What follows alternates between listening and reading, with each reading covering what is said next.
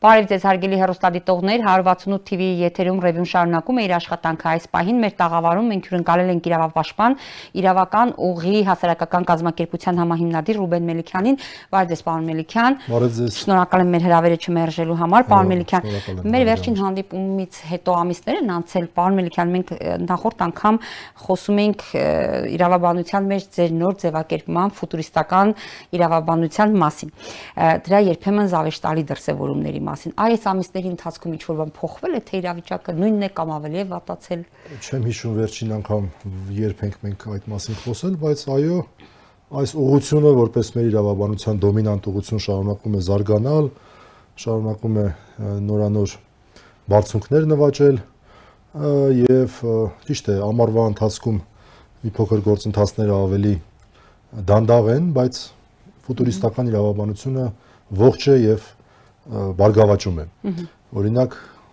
վերջին դրսևորումներից կարելի է համարել այն, որ հիշում եմ օրեր առաջ մարդիկ գնդակ էին խաղում ազգային ժողովի դիմաց եւ քանի դեռ գնդակ էին խաղում, հակահամաճարակային որևէ վտանգ իրենցից չէին ներկայացնում։ Երբ նրանցից առաջինը Ամուրսարի անունը տվեց, միանգամից հակահամաճարակային խնդիր առաջացավ եւ մարդկանց գործունեությունը որակեցին որպես հավաք եւ դադարեցրեցին, ձերբակալեցին, բավական կոշտ վնասվածքներ ստացան մի քանի քաղաքացի դա կհիշեմ։ Քրեական հետապնդումների մասով կան նման դրսևորումներ այս ուղությունը կարծում եմ անհանգստանալու անհանգստանալու տեղ չի թողնում, բավական լավ զարգանում։ Այո։ Պարմելիկյան արտակարգ դրության ռեժիմը թեև երկարացվեց եւս 1 ամսով, արդեն կարծեմ թե 6-րդ անգամ, 5-րդ 5-րդ անգամ, այսինքն մոտ 6-րդ ամիս։ 6-րդ ամիս, բայց համանախապակումների ռեժիմը փոքրինչ թուլացավ այ իրավաց համաչափ եք համարում այդ սահմանափակումների ռեժիմի թույլատումը, այսինքն եթե տեսեք, ես մի օրինակ բերեմ ուղակի, եթե կարելի է 40 հոգով նույն տարածքում գտնվել խնջույք կամ որևէ միջոցառում անցկացնել կամ անձնական օգտագործման մեքենայում իրար կպած 4 հոգով երթևեկել, ինչի՞ չի կարելի եթերային տաղավարում, օրինակ հիմա մենք երկուսով դիմակներով ենք նստած, եթերային տաղավարում մեր մեջ երևի առնվազն 2 մետր հեռավորություն կա, ինչի՞ է պետք դիմակներով նստել։ Այ ին ո՞րն է տրամաբանությունը։ Ես էլ չեմ տեսնում այդտեղ տրամաբանություն, Փառք Աստծո այստեղ ջուր է դրած, ես հիմա օգտվեմ այդ հնարավորությունից առանց դիմակի եւ այստեղ տրամաբանություն ես չեմ տեսնում։ Նաև օրինակ սրճարաններում արդեն ինչքան ժամանակ է մարդիկ սրճարան են նստում, մեկ բաժակ ջրով կարելի է շատ երկար առանց դիմակի մնալ։ Հակառակ դեպքում այո։ Առհասարակ այս ամառվա պայմաններում խիստ վիճելի է այն բոլոր համանախապակումները, որ արկա են հավաքների ազատության արգելքը հանվեց հիշում եմ արդեն իրավապաշտպանական հատվածն էր իր բողոքի ձայնը բարձրացնելուց մարդու իրավունքների պաշտպանի մասնակցությամբ քննարկում եղավ նախաձեռնությամբ այո նախաձեռնությամբ եղավ քննարկում այդ կապակցությամբ թույլատրվեցի հանվեց արգելքը բայց կառավարության նիստում օրինակ վարչապետ Նիկոլ Փաշինյանը ակնար կարեց որ եթե հակահամաճարակային իրավիճակը հանկարծ նորից դեպի վատը գնա, այսինքն թվերը բարձրանան, նորից ստիպված կլինեն անցնել տոտալ սահմանափակումների։ Սա ինչ է նախազգուշացում է, այստեղ դուք ինչ վտանգ եք տեսնում օրինակ։ Ես տեսնում եմ այստեղ վերապահում, որ թող բոլորը իմանան, որ եթե կառավարությունը գտնի, որ անհրաժեշտ է վերադառնալ խիստ սահմանափակումների ռեժիմի, կառավարության համար դա 5 րոպեվա հարց է որովհետև արտակարգ ռեժիմը պահպանվում է։ Եվ ես դա միայն այսպես անվանապես կկապեի հակահամաճարակային իրավիճակի հետ, կարծում եմ դա կարող է նաև քաղաքական իրավիճակով պայմանավորված լինել այսինքն իշխանությունն ինչ է ուզում, մի հատ հասկանա տեսնի ինչքան մարդ է հավաքվում, ովքեր են նախաձեռնում այդ հավաքները, ինչ վտանգներ, վտանգներ կան, որովհետև եթե հիշում եք, հունիսի կեսերին, երբ որ պարլամենտական կուսակցություններից մեկը, ֆրակցիաներից մեկը, նու Բարգավաճ Հայաստանի հետ կապված բավական մեծ հավաք տեղի ունեցավ, կարծում եմ դա դեր ունեցավ նրա համար, որ արդեն այդ ժամանակ էր ակնհայտ, որ հավաքների ազատության այս տոտալ սահմանափակումը, նո արգելքը սահմանափակումը չէ ուղղակի արդեն ժամանակավրեպ է, որտեղ աշխարհը արդեն գնում էր հակառակ ճանապարհով։ Այդ ժամանակ արդեն այդ տենդենսը ակնհայտ էր զգացվում, ակնհայտ էր ամբողջ աշխարհում հատկապես Եվրոպայում եւ կարծում եմ, որ հենց դա էր նշանակություն ունեցել, որ բավական այսպես լուրջ քաղաքական բովանդակություն ունեցող հավաքներ էին, որ երկու ամիս հետո նոր այս արկելքը վերածվեց ճկուն սահմանափակման։ Երկրորդը այնպիսին է սահմանափակման ռեժիմը, որ հիմա նախատեսված է, որ անգամ 5 րոպե չէ, 1 րոպեում կարելի է փաստացի բերել արկելքի վիճակի։ Ինչու՞, բացատրեմ։ Կառավարությունը սահմանել է երկու պայման՝ դիմակներն են եւ 1.5 մետր հեռավորությունն է, որոնք իրականում հասկանալի պայմաններ են։ Բայց անհասկանալի է այն, որ նաեւ երրորդ պայմանն է նախատեսել, այսինքն Պարետին հնարավորություն է տրվել, որ Պարետը լրացուցիչ պայմաններ սահմանի։ Սա կարծում եմ նույն տրամաբանության մեջ է, որ կարելի է 1 րոպեում ուղղակի Պարետի որոշմամբ այնպիսի պայմաններ սահմանել, որոնք որ անիրագործելի կդարձնեն հավաքների ազատությունը։ Այսինքն այս պահին այդ պայմանները չկան, բայց Պարետը ցանկացած ժամանակ կարող է այդ պայմանները ներկայացնել։ Դա կարծում եմ 1 րոպեվա խնդիր է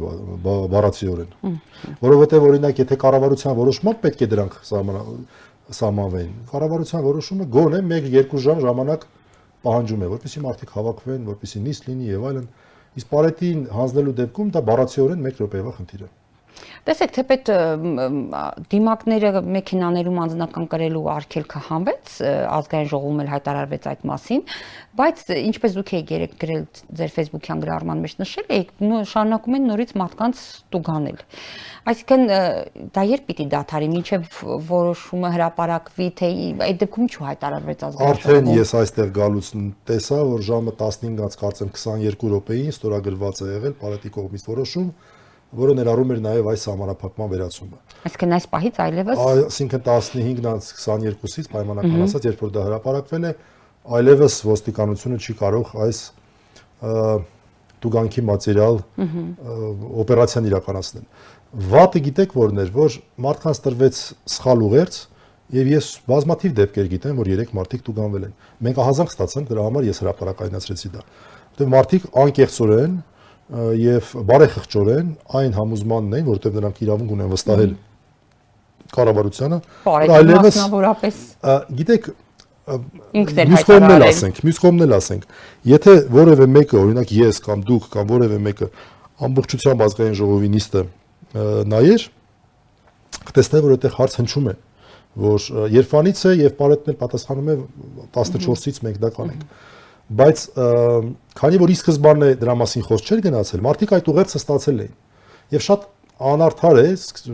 իրավականության մասին չեմ ասում, որ մարդիկ դրա համար 3, այսինքն օգոստոսի 13-ին տուգանվում են։ Ես չգիտեմ այսօր մինչև ժամը 15-22-ը տուգանվել են թե չէ, բայց գոնե կարելի է ոստիկանությանը հրահանգել, որ գիտեք, քանի որ մենք այսպիսի ուղերձ ենք մարդկանց տվել, այսօրվանից մի տուգանեք մարդկանց, նախազգուշացրեք, որ իրավունքը կա։ Իհարկե, ի վերջո հայտարարվել էր այդ մասին մի օր այս կողմային կողմը։ Եվ սա շատ ված ճիշտ է փոքր, բայց ամեն դեպքում վատ ուղերձեր դա նշանակում է, որ մարդու իրավունքների մասին շատ ավելի քիչ են մտածում, քան կարելի էր ենթադրել։ Պարոն Մելիքյան, տոտալ տուգանքներ են, տոտալ ձերբակալություններ են կատարում, ինչպես դուք եք նշել, վարչական իրավակ խախտումների վերաբերյալ օրենքի 182-րդ հոդվածով, ու անունը դնում են ոստիկանի օրինական պահանջին չի ենթարկվել ու ձերբակալությունը ամեն քայլափոխի կարող ենք տեսնել կամ համացանցը հագեցած է նման տեսանյութերով։ Եվ վերջո, չկա որևէ հակազդեցության միջոց, որ այս կամայականությունը չդրսևորվի։ Ինչ նշանակում ոստիկանի օրինական պահանջ։ Եթե դա Պարետի որոշում է, այս կազուսը ո՞նց է բացատրվում։ Չէ, այստեղ կարող է հետեւյալ փաստարկը վերվել, որ կա Պարետի որոշում,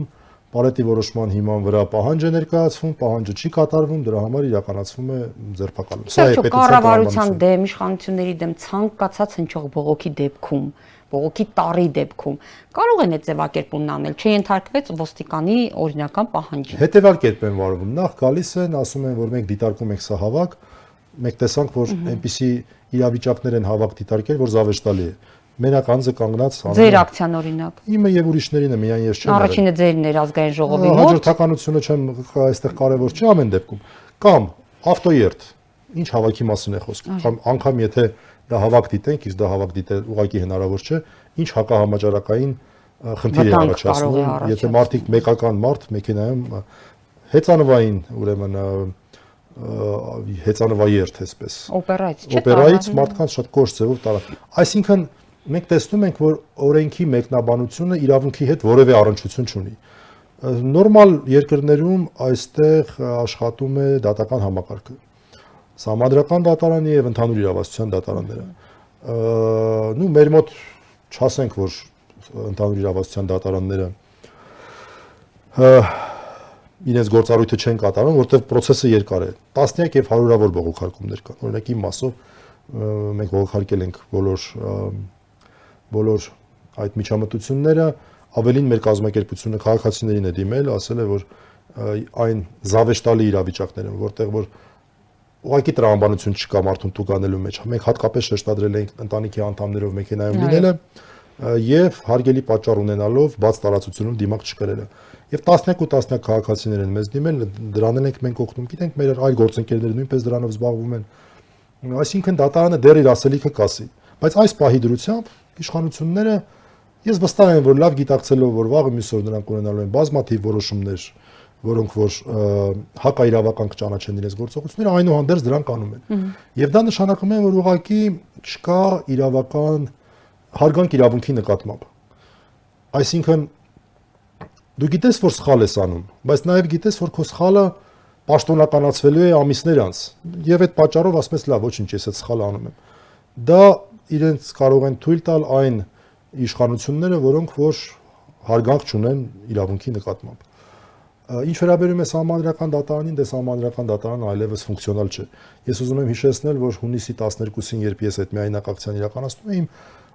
պահանջը ըստ էության պարլամենտական ընդդիմությունից այն էր որ նրանք դիմեին համանդրական դատարան այդ հարցով։ Նրանք չդիմեցին։ Եթե դիմաց լինեն, կարծում եմ գուցե այս խնդիրները վաղուց լուծված կլինեն։ Պարոն Մելիքյան, տեսեք, եթե այնուամենայնիվ անդրադառնանք ձեր ակցիային, միայնակ ակցիային ինչի եմ ասում ես, որովհետև ձեր ակցիայից կարճ ժամանակ հետո ակցիա իրականացրեց նաև ազգային ժողովի Պատգամավոր Արման Բաբաջանյանը բավականին բազմամարդ, եթե կադրերն նայում ենք, որոշ դեպքերում սկզբում ճիշտ է հեռավորությունը պահպանվում էր Բաղրամյան 26-ի մոտ, բայց հետո արդեն այդ հեռավորությունն էլ չէր պահպանվում, խիտ էին կանգնած։ Ոստիկանություն չկար։ Ճիշտ է անունը դրեցին թե մամուլո ասուլիս էր հայտարարության տեքստ էին կարդում, թե նամակի տեքստ էին կարդում, բայց այնուամենայնիվ մարդիկ էին դրսում էին հավաքված էին ու ոստիկանություն չկար։ Այ այս կրկնակի ստանդարտները կիրառությունը ինչով կբացատրեք եւ արդյոք հետո էլ չեն արվելու այդ կրկնակի ստանդարտները, այսինքն ընդդիմախոսների նկատմամբ չեն կիրառվելու մնացած բոլոր տեսակի սանկցիաները։ Կա երկակի ստանդարտների խնդիր այստեղ միանշանակ կա եւ ձեր վերած դեպքը միակը չի, ես մի քիչ ավելի թարմ օրինակ բերեմ, քանի որ դա է այսօր արդիական այդ օրինակը բերեմ, նույն ամուլսարի հետ կապված, ես հիշում եմ, որ եղավ ակցիա որին մասնակցում էին Ամուլսարի Լիդիանի հետ կապված անձինք, այսինքն պահանջելով ըստ էության բացել հանքը, այդտեղ որևէ միջամտություն չեղավ, բայց նաև հակառակի դեպքում միջամտություն եղավ։ Այսինքն տարբեր տարբեր ոլորտներում դա դրսևորվում է։ Եվ սա նույնպես հանգում է այն նույն ասածից, որ չկա հարգանք իրավունքի նկատմամբ։ Իսկ իրավունքի նկատմամբ հարգանք հարգանքի բացակայություն նաև նշանակում է ուղիղ ճանապարհ դեպի կրկնակի դեպի երկակի ստանդարտներ։ որովհետև մարդիկ, ովքեր որ ունեն իշխանություն եւ դա կարելի ասել բոլորին է բնորոշ։ Մարդիկ կան, որ կարողանում են դա հաղթահարել, մարդիկ կան, որ չեն կարողանում հաղթահարել։ Երկրորդները շատ ավելին են, քան առաջինները։ Դա դժվար բան է, հեշտ բան չի երբ որ դու հնարավորություն ունես հրահանգել օրինակ ոստիկանությանը ինչ որ գործողություններ կատարել, դու ձեռնպահ մնաս դրանից, ել չեմ ասում հակաօրինական հրահանգներ չտաս։ Դա շատ դժվար է։ Եվ կարծում եմ այդ գայթակղությունը Դժվար է հակաօրինական հրահանգներ չտալը, պարոն Մելիքյան։ Այո, եթե դու ունես իշխանություն եւ քո իշխանությունը ոչնչով համարապակված չէ։ Մենք չունենք parlamentum բավարար թվով падգամավորներ, որոնք որ կարող են հակակշիռ լինել, ավելին իշխանությունները կարծեք թե առանձայն էլ փոքր թվով ընդդիմության նկատմամբ որս են հայտարարել, ինչ որ մարդիկ են դուրս գալիս, կամ մեկը առնվազն դուրս եկավ մյուսների նկատմամբ։ Դե իշխանություններն էլ են այդպես մտածում, ամենաթարմա օրինակ ազգային ժողովի փոխոսնակալին Սիմոնյանը լրագրողներից մեկի հետ զրույցում հրապարակի ասել էր, որ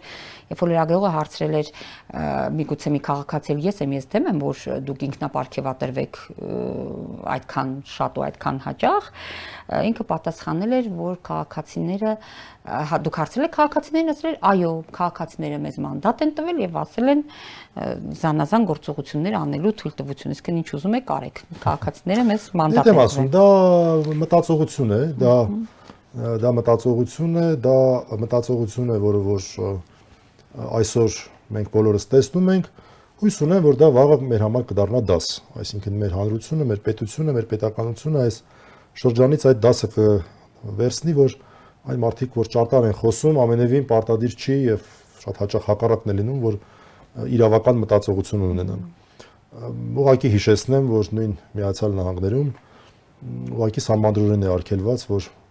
մարդիկ իրենք իրենց աշխատավարձը բարձրացնեն։ Դե ապարքեվատրումն էլ դրա դրսևորումն է։ Եվ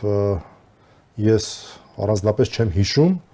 որ քաղաքացիներին որևէ մեկը ակնարկած լինի ընտրությունների ժամանակ, որ այգիտեք մեզ ընտրեք, որpիսի մենք ինքնապարքեվատրվենք կամ մեր աշխատավարձները շեշտակի բարձրացնենք եւ այլն եւ այլն։ Ամեն դեպքում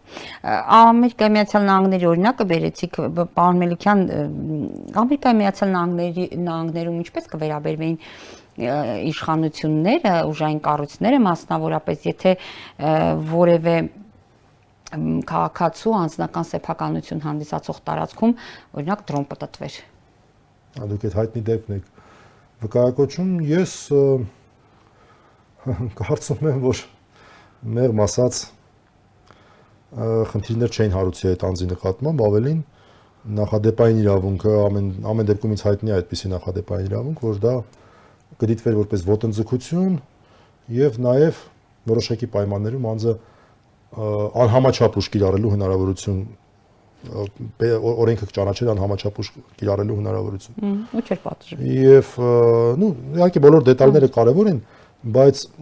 բնակարանի պաշտպանությունը շատ բարձր մակարդակի վրա է դրված եւ գիտեք մեզ մոտ էլ մենք պետք է սովորենք դրան, որ պետք է ստանդարտներ լինեն։ Ես հիշում եմ այդ հայտնի բանավեճի ժամանակ շատ երեսպաշտ փաստարկներ են բերվում, որ հանրային հետաքրքրություն եւ այլն եւ այլն։ Այո, ասում էին օդը տան տուն չի, օտան վերևի օդը տուն չի, տարածքը չի։ Էդ էլ էին ասում։ Հա, փաստարկներ են բերում, բայց ես ուզում եմ հատկապես հանրային հետաքրքրության վրա շեշտադրեմ, եթե հանրային հետաքրքրություն երևույթը այսպես ամեն ինչ թույլատրում է, բա ինչի չեն գնում օրինակ մի հատ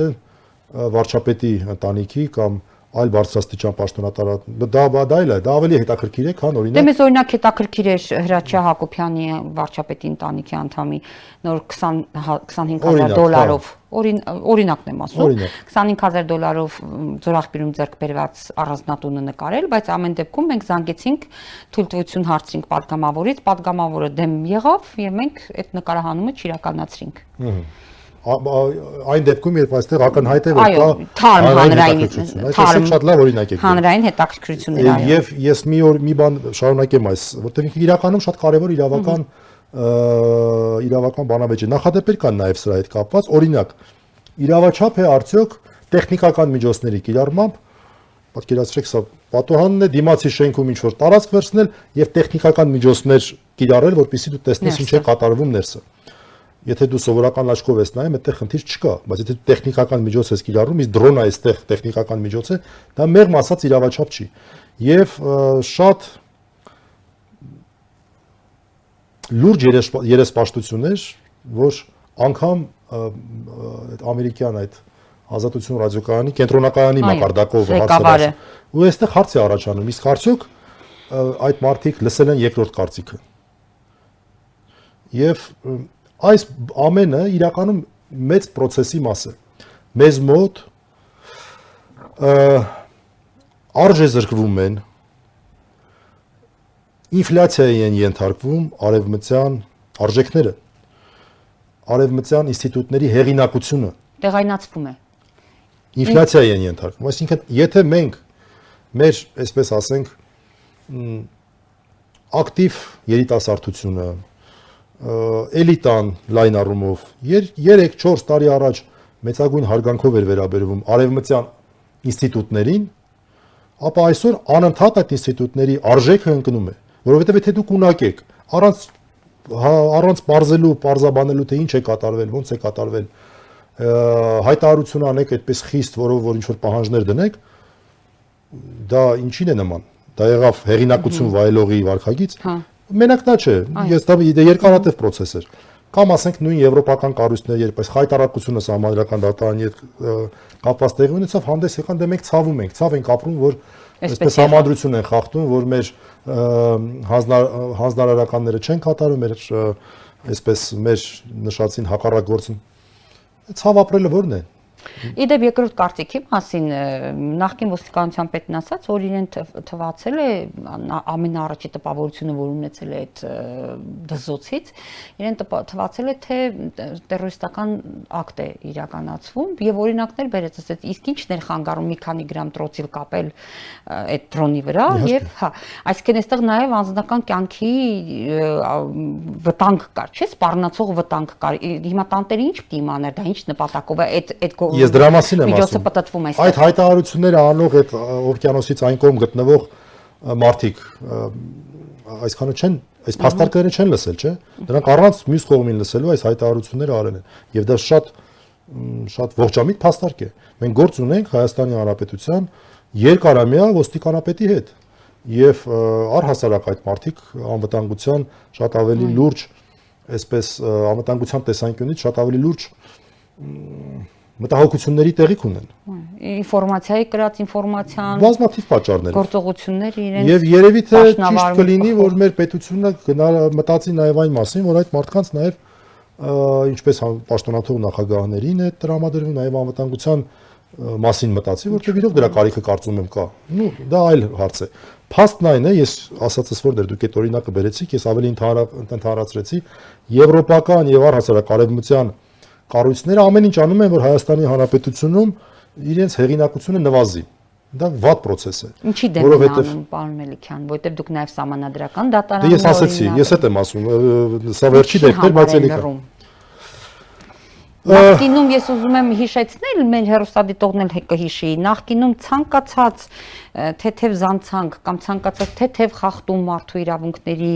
բնագավառում անմիջապես նախորդ իշխանությունների ժամանակ արժանանար եվրոպական միջազգային կառույցների կոշտ ընդդիմախոսությանը քննադատության այսօր մենք տեսնում ենք որ այդ կառույցները լռում են նույնիսկ համնադրական դատարանի հետ կապված եթե գործընթացները լինեին նախորդ իշխանության ժամանակ եվրոպական կառույցների արձագանքը համարժեք կլիներ ձեր բերած օրինակով ցավում ենք ու վերջ թե լուրջ սանկցիաներ կլինեին ընդհանրաբար կլինեին դրա մասին է խոսքը դրա մասին է խոսքը ինչի դեմ են ինչի դեմ է այս հանդուրժողականությունը։ Ես մի քիչ դժվար եմ, կդժվարանամ այս հարցին պատասխանել, քաղաքական քաղաքական լուրջ բաղադրիչ ունեցող այստեղ հարցը, բայց եթե նախկինում ես շատ լուրջ չէի վերաբերվում այն այն փաստարկներին, որ գործ ունենք ինչ որ քողակված կամ չերևացող գործարքների հետ, հիմա սկսում եմ մտածել, որ իսկ գուցե այդ մարդիկ ճիշտ են։ Գուցե կա ինչ որ օրակարգ, որը որ մեր մեր ազգային շահերին հակասում է։ Գուցե այդ այդպիսի օրակարգ իսկապես կա, չգիտեմ այդ օրակարգը երբ է ձևավորվել, բայց գուցե իսկապես կա, որովհետև այն ինչ որ այն վարկագիծը, որը որ մենք տեսնում ենք, եւ մարդիկ հասկանում են, որ իրենց հեղինակությունը նվազում է։ Դա ակնհայտ է։ Այսինքն այլևս երբեք Հայաստանի Հանրապետությունում այդպիսի մեծ ակնածանքով չեն վերաբերվի արևմտյան ինստիտուտներին, այն խոսքին, որ հնչում է արևմուտքից։ Դա շատ վատ է իրականում։ Ավելին ժողովրդավարական արժեքներն են դրա, այսպես ասած, սոուսով գնալով արժեզրկվում։ Դե մեր իշխանություններն էլ որը որ իրենց ձեռք է տալիս արևմտյան արժեքներին հղում անում են, որը որ չէ։ Ես կուզենայի ավելի լավ եւ ավելի լայն դիտարկել այս հարցը եւ ընդհանրապես զարգացման տեսանկյունից։ Արդյոք մենք մի քանի տարի հետո ունենալու ենք մարդիկ, որոնք իսկապես հավատում են ժողովրդավարական արժեքներին եւ կարող ուժեր են թե այդ մարտիկ այլևս վերանալու են Հայաստանում, իսկ այդ մարտիկ տասնամյակների ընթացքում հեշտությամբ չի որ ձևավորվել են։ Մենք կարծում եմ տարիներ շարունակ փորձում ենք համադրել ազգայինը եւ համամարտկայինը, այսինքն ժողովրդավարական արժեքները կամ համընդհանուր արժեքները դրան գումարելով ազգային այսպես արժեքները ես չգիտեմ հետագայում դա նույն կերպ հնարավոր է լինելու թե չէ որովհետեւ բազմաթիվ փաստարկներ են բերվելու ժողովրդավարության մասին խոսող ցանկացածին պայմանական ասած 1 2 3 տարի հետո մարդիկ հակադրելով են ասել են այդ ձեր ասած ժողովրդավարությունը այս մարդիկ չէին որ նման կոշտ հայտարարություններ էին անում առանց երկրորդ կողմին լսելու Այդ մարդիկ չէին, որ ընդամենը ցավ էին ապրում նրա համար, որ խայտարակ ձևով համանդրությունը ոտնահարվում էր։ Ցանկացած ժամանակ հակադարձումը լինելու է։ Համանդրական դատանի մասին խոսեցինք պարոն Մելիքյան, process-ները զարգանում են համանդրական դատանի շուրջ, բայց այնուամենայնիվ ի սկզբանե արդեն կան դատավորների երեք տեխնացուները՝ Երվանդ Խունդկարյան, Արթուր Վաղարշյան եւ Արամ Ավետիսյան, չեմ ուզում խորանալ այդ բանավեճերի մեջ, թե ինչու իմ քայնդական падգամավորների մի հատվածը հատկապես հակական շրջանակները կոնկրետ որոշ տեխնացուների նկատմամբ վերապահում ունեն, բայց Տեսեք, մենք հիմա չունենք մի իրավիճակ, որ խոսում ենք process-ների process-ների զարգացումից, այնպիսի process-ների, որի սկզբանը հակասահմանադրական են եղել։ Միջավ այսօր չկան, չէ՞, իրավական ակտերը, որ համարեն երեք դատավորները աշխատանքից ազատված։ Կարծեմ չկան, չկան, այսինքն այդ մարդիկ ոնց պիտի աշխատանքից ազատված են, դատավոր են, դատավոր չեն։ Իրենց տեղ դատավոր դեռ թերևս դատավոր են, բայց իրենց տեղը նոր դատավորներ են արդեն ընտրում։ Մյուս կողմից համանդրական դատարանը պարալիզացված է, որտեղ ի վերջո ստեղծ ստեղծեցին ճգնաժամ համանadrական դատարանում, որ հիմնադրման օրվանից առ այսօր քվորում չլինելու համար նիստ չեր եղել, հիմա շարունակ այդպես է լինում։ Մեզ ուր կտանի այս process պարոն Մելիքյան։ Մինչև ուր։ Համադրական դատարանի այս ամբողջ էպոպեյան նորանոր ոչ թե ավարտվել է, այլ նոր փուլ է մտնում։ Տեսնենք ինչ կլինի, ամեն դեպքում մի բան կարող ենք արձանագրել, որ մեր իշխող քաղաքական ուժը ամենամեծ ռեպուտացիոն ռիսկերին գնաց, որպիսի համանդրական դատարանը դարձնի ոչ ֆունկցիոնալ։ Եվ նորից վերադառնամ, ինչու։ Ինչով էր դա պայմանավորված։ Այդ ինչ հարցեր են գալու համանդրական դատարան, որ անհրաժեշտ էր համանդրական դատարանը դարձնել չաշխատող մարմին։ Չգիտեմ։ Կամ ձեռնասուն մարմին։ Դե այո, Այսինքն ամեն դեպքում զրկել նրան անկախ մարմին լինելու, իշխանության անկախ հակակշիռ լինելու այն որակներից, որոնք իսկապես ձևավորվել էին, որոնք իսկապես գոյություն ունեն։ Դա այսօր օրինակ կառավարությունն էլ ունի միջազգային պայմանագրեր, որոնք պետք է համանadrական դատարանով անցնեն։ Այսօր դրանք էլ են ու ես վերջերս համանadrական այ հենց այդ պատճառով կառավարությունը հսկայական տուգանքներ պիտի վճարի ժամկետները երկարացնելու համար, որովհետև համանadrական դատարանը այս պահին չկա, որ այդ հարցը քննարկվի վարկի վարկ ինչ որ վարկային պայմանագրի խնդիր էր։ Իդեպ համանadrական դատարանի մասին այսօր խոսել է նաև Հայաստանի վարչապետ Նիկոլ Փաշինյանը BBC հարթակ հաղորդաշարի հաղորդման ընթացքում ասել է հետևյալը Պետք է շեշտեմ, որ մենք ցանկանում ենք ունենալ այնպիսի համանդրական դատարան, որն ամբողջովին կհամապատասխանի մեր համանդրության տարին եւ ոգուն։ Հ գործող համանդրությունը տալիս է համանդրական դատարանի ճշգրիտ նկարագրությունը, բայց իրականում մենք նախկինում ունեինք բոլորովին այլ համանդրական դատարան։ Այսպիսով մենք ցկտում ենք եւ անում ենք հնարավորը, որպեսի համանդրական դատարանը լիովին համապատասխանի մեր համանդրությանը։ Ես մի քանի անգամ կարդացի, չհասկացա ինչի մասն է սա, պարոն Մելիքյան։ Միգուցե կբացատրեք ինչ է նշանակում մենք ձգտում ենք ամեն ինչ անում ենք, որ համանդրական դատանը լիովին համապատասխանի մեր համանadrությանը։ Դες այն երեսպաշտական փաստարկներ, որ երկար ժամանակ բերվում էր, դա այն էր, որ համանդրությունը նախատեսում է մեկ այլ ռեժիմ 12 տարի ազգային ժողովի կողմից ընտրություն 3 մարմինների կողմից ներկայացմամբ այս փաստարկը կարող էր կարող էր որպես ողջամիտ համարվել, եթե մենք մի բանի վրա ուշադրություն չդարձնենք որ ախր միայն համանդրական դատարանը չի, որի ձևավորման կարգը փոխվել էր ավելի սկզբունքորեն փոխվել էր օրինակ վճռաբեկ դատարանի ձևավորման կարգը։ Այդ ո՞նց եղավ որ ոտ ու ձեր չընկակ որ վճռաբեկ դատարանը համապատասխանեցնեք նոր համանդրությամբ նշանակման ընթացակարգերին։ Այդ ո՞նց եղավ։ Իդեպ ինչ ինչով է վճռաբեկ դատարանի նախագահ Երվանդ Խունդկարյանը դարձել իշխանությունների սրտի համանդրական դատարանի դատավորի տեխնացու ինչու դեմ չեն նրա տեխնացությանը։ Ճիշտ ասած վճռաբեկ դատարանի, այն վճռաբեկ դատարանի, որի նախորդ ղեկավարի նկատմամբ եւ նրա որդու նկատմամբ պետքան վերապահումներ ունեն։ Դուք երևի խոսում եք Դավիթ Ավետիսյանից, որը վճռաբեկ դատարանի ղեկավարը չէր, այլ քրական պալատի նախագահը։ Քրական պալատի, այո նույն ժամանակամիջոցում պարոն Խունդկարյանը եղել է քաղաքացիական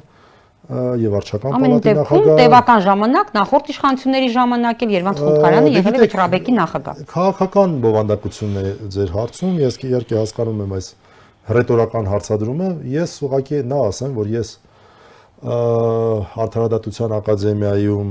իմ 2.5 տարվա աշխատանքի ընթացքում բավական սերտորեն եմ աշխատել պարոն Խունդկարյանի հետ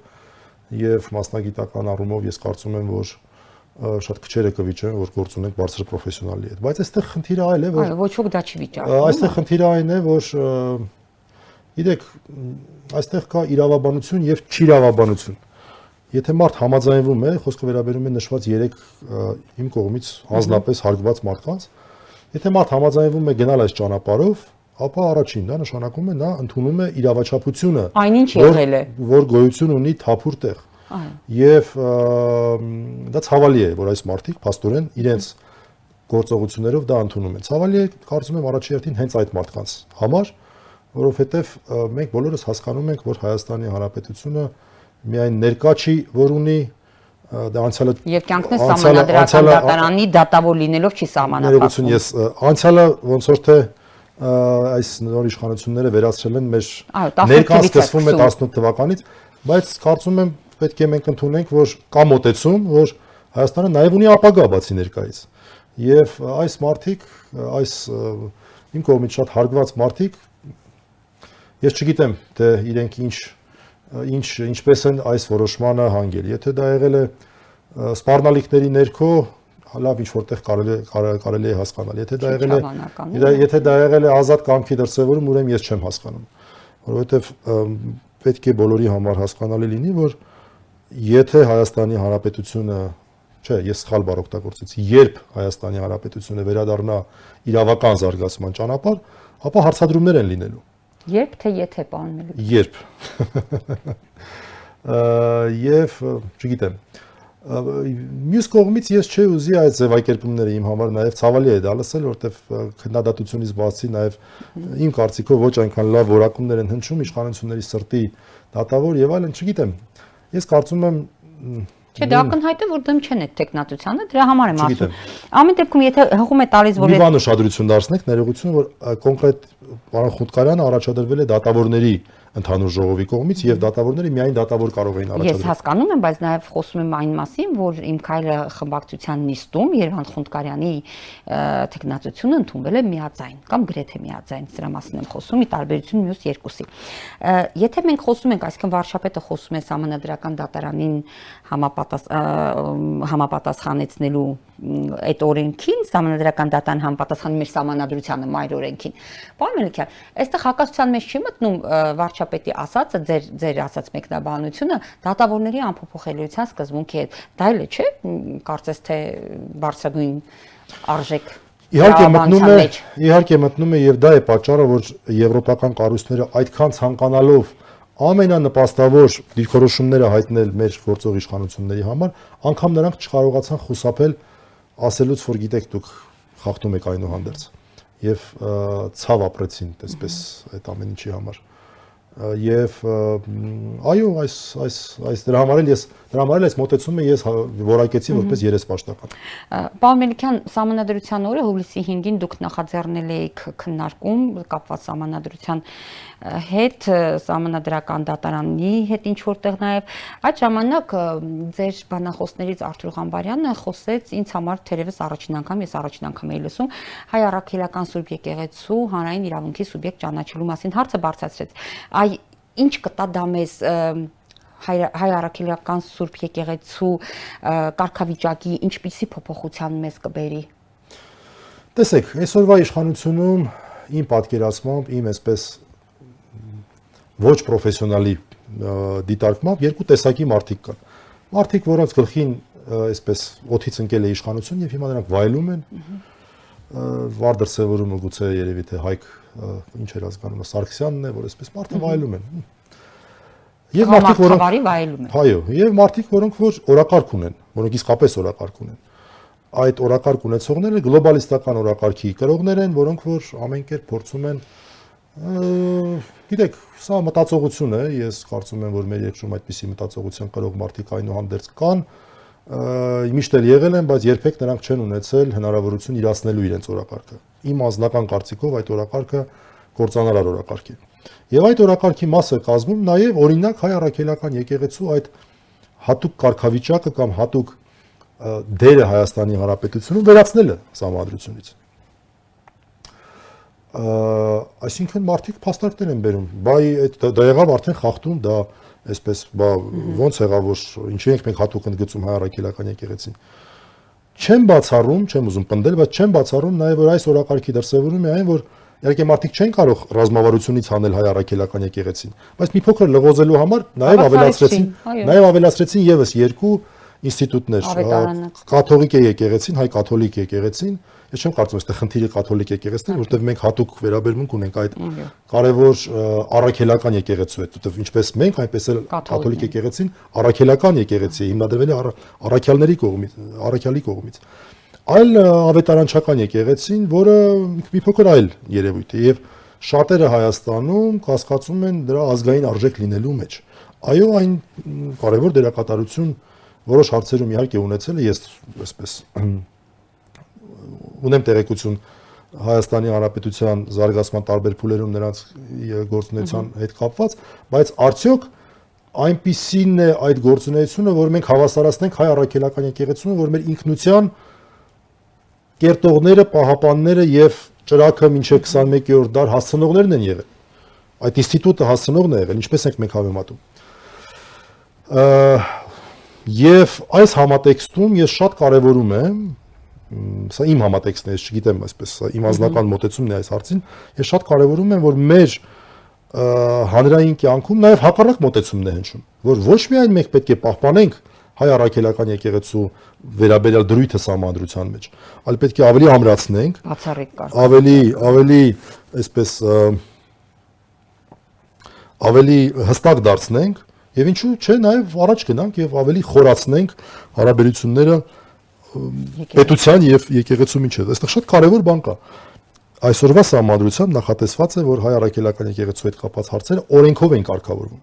Բայց այն մոտեցումը, որ ներկայացվեց մեր Գոշավանքի համաժողովի ժամանակ, որը կարծում եմ, որ միանշանակ ողջունելի մոտեցում էր, ես էլ եմ առաջի անգամ լսում եւ միանշանակ ողջունում եմ, որ պետք է ոչ թե օրենքով այդ հարցը կարգավորվի, այլ սահմանադրական բնույթ կրող պայմանագրով, որովհետև մենք գործ ունենք իրավահավասար կողմերի հետ։ Եվ ը, եւ եթե մենք եւ մենք պետք է իմ պատկերացմամբ այն մարդիկ, որոնք իսկապես Հայաստանի Հանրապետությունը համարում են պետություն, որը պարզապես անունով չի Հայաստանի Հանրապետություն, այլ դա ինքնություն է բնորոշում, կարծում եմ պետք է այս մոտեցումը պաշտպանելու դիրքերում կանգնեն, որովհետև դրա կարիքը անպայման լինելու է։ Ոչ թե երկու ֆիզանց գնան եւ ռեգիստրում գրանցեն հայ առաքելական սուրբ եկեղեցին, ինչպես Դե դա Դա լավ ուրիշ չի եղել, այո, որովհետև այն ժամանակ այդ տեսական մշակումները չկան, եւ առհասարակ այն ժամանակաշրջանը ենթադրում եմ այն ժամանակ, այլ Այս ժամանակահատվածը կարծում եմ կարող է նաև դրական նշանակություն ունենալ։ Շատ հարցեր, որոնք մենք առաջ մեզ չենք տալիս, հիմա մենք արդեն մեզ տալիս ենք եւ այդ հարցերին գտնվելիք պատասխանները մեզ ուժեղացնելու են։ Պարոն Մելիքյան, Սասնա ծռերի գործով դատախազը մեղադրական ճառը կարդաց նախորդ օրը, ճառից հետո շատերի պնդմամբ բավականին պինդ հիմնավորված ապացույցներով ճառը Պետրոս Պետրոսյանը կարդացել, բայց այդ ճառից հետո դատախազի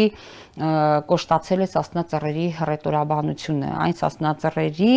որոնք հայտարարել էին նախկինում, որ աջակցում են լիովին Նիկոլ Փաշինյանի կառավարությանը, որոնց ընդունեց կառավարության շենքում երկրի վարչապետը զինված խմբավորման անդամներին։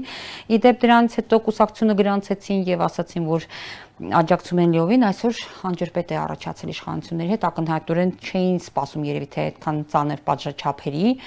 այնտեղ ծմա ազատազրկում 21 տարի, ամենակարճը կարծեմ 8.5 տարի էր ամեն դեպքում շատ կոշտ հերետորաբանություն են բանեցնում սասնածռերը պայքարում են ասել են Վարուժան Ավետիսյանի դեպ ասած, որ բոլոր օրինական միջոցներով պայքարելու են իշխանությունների դեմ, չեմ կարողանում պատկերացնել օրինական միջոցը որն է սասնածռերի պայքարելու, բայց այնուամենայնիվ համաչափ են այս պատժաչափերը եւ ինչ կարող են անել սասնածռերը։ Նախ պետք է նշել, որ եթե մենք դիտարկում ենք այն դատախազի կողմից խնդրված, իսկ իրականում վերջնական որոշումը դատարանն է կայացնում, որը ի դեպ կարող է ոչ միայն ավելի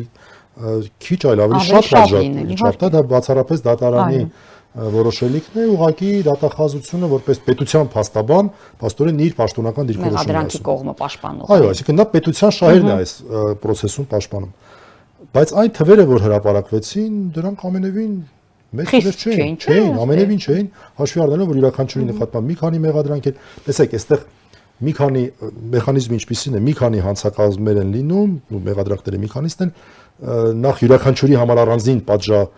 չափեր պետք է պատժատեսակի պատժաչափը շարժվի, հետո հետո գումարում տեղի է ունենա։ Գումարումը կարող է ամբողջական լինել, կարող է մասնակի լինել, բոլոր դեպքերում մասնակի է, որը ձեռնտու է այսպես ամբաստանյանների Դրանք համար։ համարում են, որ պետք է ազատ արձակ։ Այսինքն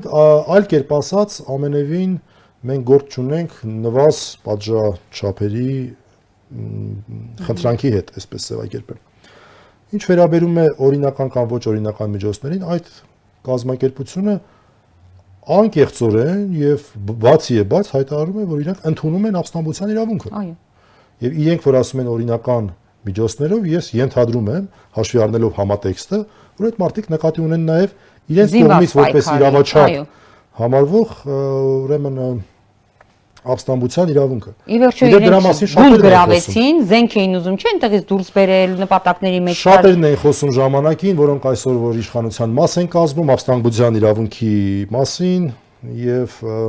իմ մտածումը այս հարցում չի փոխվել, եթե մենք ճանաչում ենք ապստամբության իրավունքը, ուրեմն մենք չպետք է ճանաչենք պետությունը որպես գոյատևելու հնարավորություն ունեցող ինստիտուտ, որովհետեւ յուրաքանչյուր օր կարող է ինչ-որ մի խումբ ձևավորվել, որոնք որ հայտարարեն, որ մենք էլ գտնում ենք, որ այ հիմա է բռնազավթված, չէ, երեք բռնազավթված չէր, բայց այսօր բռնազավթված է։ Սա իրավական տեսանկյունից մեղմ ասած այնքան էլ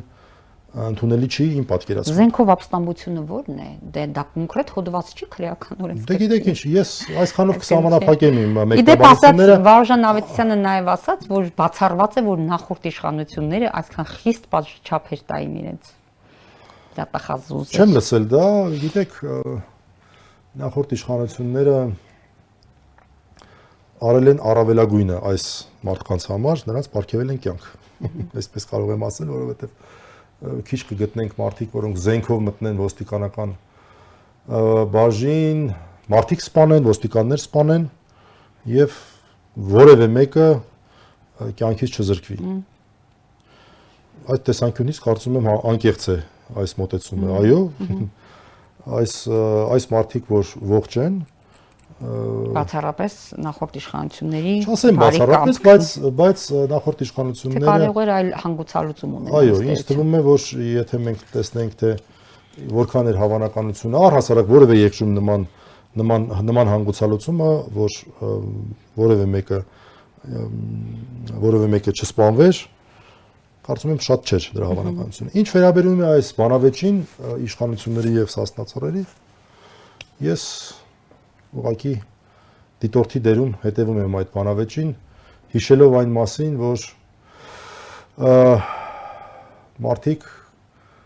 որոնք որ իշխանությունները, որոնք որ ընդունեցին, բանակցեցին եւ այլն, իսկ միգուցե կարելի ասել, որ նրանք իրենք լեգիտիմացրեցին այսօրվա կոշտ ռետորաբանությունը, որոնք բանացնում են։ կառավարության շենքում վարչապետը Դրա մասին է խոսքը։ Ուրեմն նրանք ուրեմն նրանք ուրեմն նրանք ընդունում են այդ մոտեցումը։ Դե եթե ընդունում են, ուրեմն խնդրեմ։ Այո։ Պարոն Մելիքյան եւ վերջում հակակոռուպցիոն դատարանի մասին իր դրաֆտում արդեն նախագիծը կա հակակոռուպցիոն դատարանն ստեղծում այսօր էլ Սրփույ Գալյանը խոսում էր այդ մասին թե ովքեր են լինելու հակակոռուպցիոն դատարանի դատավորներ ովքեր չեն կարող լինել հակակոռուպցիոն դատարանի դատավորներ ինչ աշխատավարձային չափել սահմանված լինելու այս փուլում դուք նպատակահարմար համարում եք այդ դատարանի ստեղծումը եւ արդյոք չկար մեր դատական համակարգում այն մեխանիզմը, որը թույլ կտար առանց այս դատարանի ստեղծման այդ հակակոռուպցիոն բնույթի հանցագործությունները քննել կոռուպցիոն բնույթի։ Նախ նշեմ, որ լրացուցիչ ծախս է, չէ՞, նախ մեծ բեռը որ բյուջեի չեմ վրա։ հասցրել ուսումնասիրել այս նախագիծը եւ ինչպես ցանկացած նախաձեռնությանը, որ գործող իշխանությունների կողմից դատական իշխանության մասով է տեղի ունենում, որը որ այսպես բարձրագոճ անուններ է կրում, ես որոշակի վերապահումով եմ վերաբերում, բայց ոչինչ ասել այս բանը չեմ կարող, որտեվ դեռ չեմ ուսումնասիրել, եթե հարցը այն է, թե արդյոք մեզ պետք էր նման դատարան, ես խիստ կասկածայի որ մեզ պետք է նման դատարան։ Իդեպ ասած, որ մրցույթին չեն կարողանա մասնակցել այն դատավորները, դատախազները, քննիչները, հետաքննության մարմնի ներկայացուցիչները, նաև փաստաբանները, որոնք ենթարկվել են կարգապահական պատասխանատվության եւ նրանց նկատմամբ կիրառվել է խիստ նկատողություն եւ ելի հետաքրքիր մի բան, մրցույթին չեն կարողանա մասնակցել նաև այն դատավորները, որոնց կայացրած դատական ակտով միետ արձանագրվել արձանագրել է մարդու իրավունքների խախտման փաստ։ Երևի թե փորձել են օբյեկտիվ չափանիշներ դնել, որովհետև պետք է նշել, որ դա օբյեկտիվ չափանիշներ են առաջինի հետ կապված կա տրամաբանություն, երկրորդի հետ կապված այստեղ լուրջ հարցեր կան, որովհետև ես գիտեմ այնպիսի եվրոպական դատարանի վճիրներ, որոնք կայացվել են ոչ թե այն դատավորների մեղքով, որոնք որ դատական ակտ են կայացրել, այլ այն օրենքների պատճառով, որոնք որ այդ պահին գործել են։ Սա միանշանակ երևույթ չէ։ Այո։ Ավելին ներողություն, Եթե այսպես ենք մենք նայում, ուրեմն վճռաբեկ դատարանը ամբողջությամբ եւ վերաքննիչ դատարանները գրեթե ամբողջությամբ չեն կարող այդտեղ դիմել, որովհետեւ յուրաքանչյուր եվրոպական դատարանի վճիր ենթադրում է, որ պետք է բոլոր 3 ացյաններով անցած լինի, այդ թվում նաեւ օրինակ վճռաբեկ։ Չգիտեմ, մտածելու բան է։ Շնորհակալ եմ պարոն Մելիքյան, շատ հետաքրքիր զրույցի համար։ Հարգելի հեռուստադիտողներ, մեր հաղորդումն ավարտվեց, տաղավարում հյուրընկալել էինք իրավական ուղի հասարակական կազմակերպության համահիմնադիր իրավապաշտպան Ռուբեն Մելիքյանին։